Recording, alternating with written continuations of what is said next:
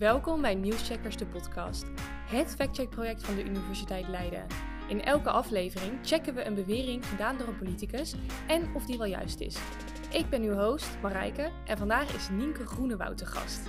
Hi Nienke. Hi. Um, wil jij eerst wat vertellen over jezelf? Nou, ik ben uh, Nienke, ik ben 22 jaar en ik studeer momenteel aan de Universiteit Leiden, de masteropleiding Journalistiek en Nieuwe Media. En op dit moment zijn we bezig met een heel groot factcheckproject rond de Tweede Kamerverkiezingen. Ja, en in dit project heb jij de afgelopen weken dus een factcheck uitgevoerd. En welke claim heb jij eigenlijk onderzocht? Ik heb een claim onderzocht van Wopke Hoekstra, de nu demissionair minister van Financiën en lijsttrekker van het CDA. En hij zei dat als je de Nederlandse staatsschuld afzet tegen het gezamenlijke inkomen van Nederland, is het lager dan in de jaren in en na de kredietcrisis. Dit is niet echt een uh, claim die je natuurlijk hoort op straat, in de supermarkt of bij een kringverjaardagsgesprek, eh, want die hebben we nu natuurlijk ook niet. Hoe stuit jij eigenlijk op deze bewering? Ik was op 10 januari 2021 uh, eh, aan het kijken naar WNL op zondag met Rick Nieman. En daar schoof Wopke Hoekstra aan om te praten over het verkiezingsprogramma van de PVV, over coronamaatregelen, over zijn lijsttrekkerschap. En toen het over de coronamaatregelen ging, ging het over de steunpakketten. En die lopen tot nu toe op tot 62 miljard euro. En daarop kwam Rick Nieman met een vraag over de staatsschuld, die volgens hem op dit moment op een recordhoogte staat van 500 miljard. En toen je dat recordbedrag hoorde, kreeg je toen een onderbuikgevoel van: hé, hey, wacht eens even, dit zou dus niet kunnen kloppen? Ik dacht niet per se dat het niet zou kloppen, maar ik vroeg me toch af hoe een staatsschuld van recordhoogte, want we hebben nog nooit de 500 miljard aangetikt in Nederland, hoe dat zo makkelijk door Wopke Hoekstra eigenlijk werd weggewuifd. Zo van, dat is lager dan toen we in andere jaren van crisis zaten. En ik dacht, dat is wel het waard om te checken, want voor hetzelfde geld heeft hij geen gelijk. Je had dus een mooie claim te pakken uh, en dan moet je natuurlijk ergens beginnen. En hoe ben je te werk gegaan bij het controleren van deze claim?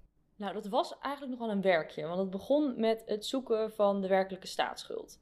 Volgens Rick Niemand stond hij dus op 500 miljard euro en eigenlijk nog iets wel iets meer.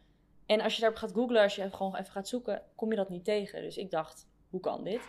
Ik kwam wel op het ministerie van Financiën uit, bij uh, het orgaan van de agentschap van de generaal Thesauri, die eigenlijk de staatsschuld gewoon bijhouden. En op hun voorpagina stond gewoon heel groot.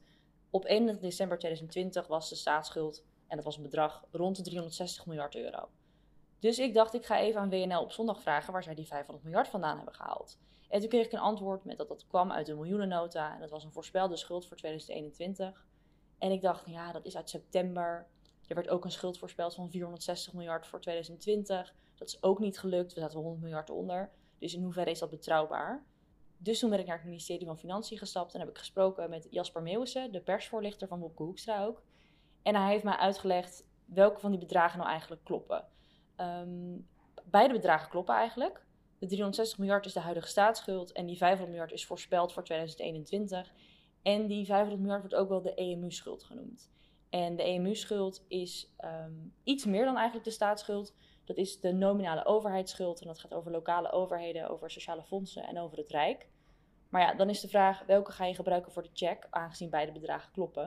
Ik heb uiteindelijk gekozen voor het bedrag van 500 miljard euro, die EMU-schuld, omdat de staatsschuld eigenlijk altijd berekend wordt met de EMU-schuld.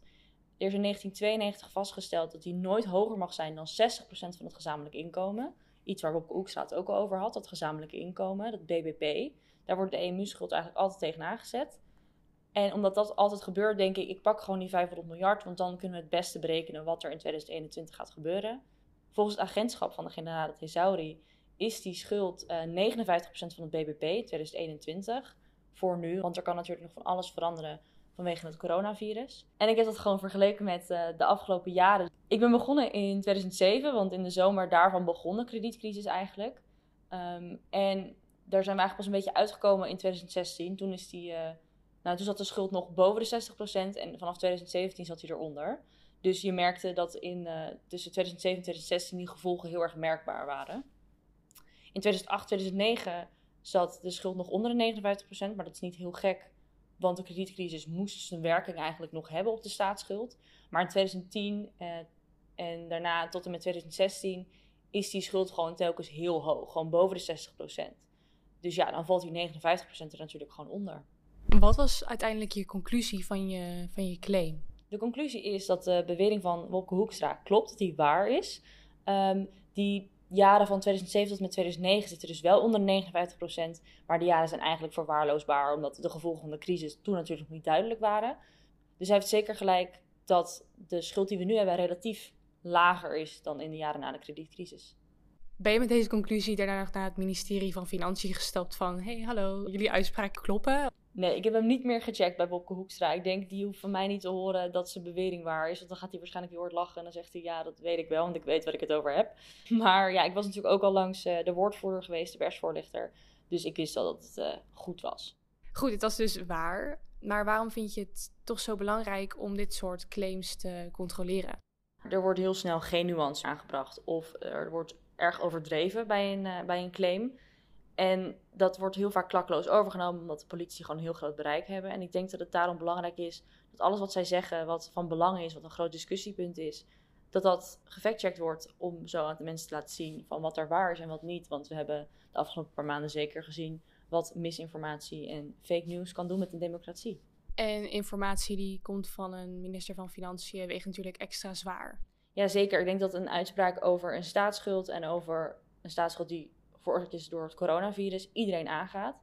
En het is zeker belangrijk dat een minister van Financiën, want dat was hij op dat moment nog, en een lijsttrekker gefactcheckt moet worden op zijn uitspraken, omdat dat gewoon belangrijk is voor hoe hij zijn werk uitvoert.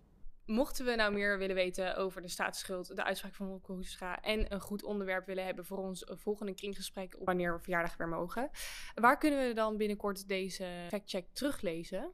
Nou, de factcheck is met duidelijke cijfers en overzichtelijke grafiekjes uh, na te lezen op nieuwscheckers.nl. Nienke, ik wil je heel erg bedanken dat je vandaag bent uh, aangeschoven bij ons aan tafel.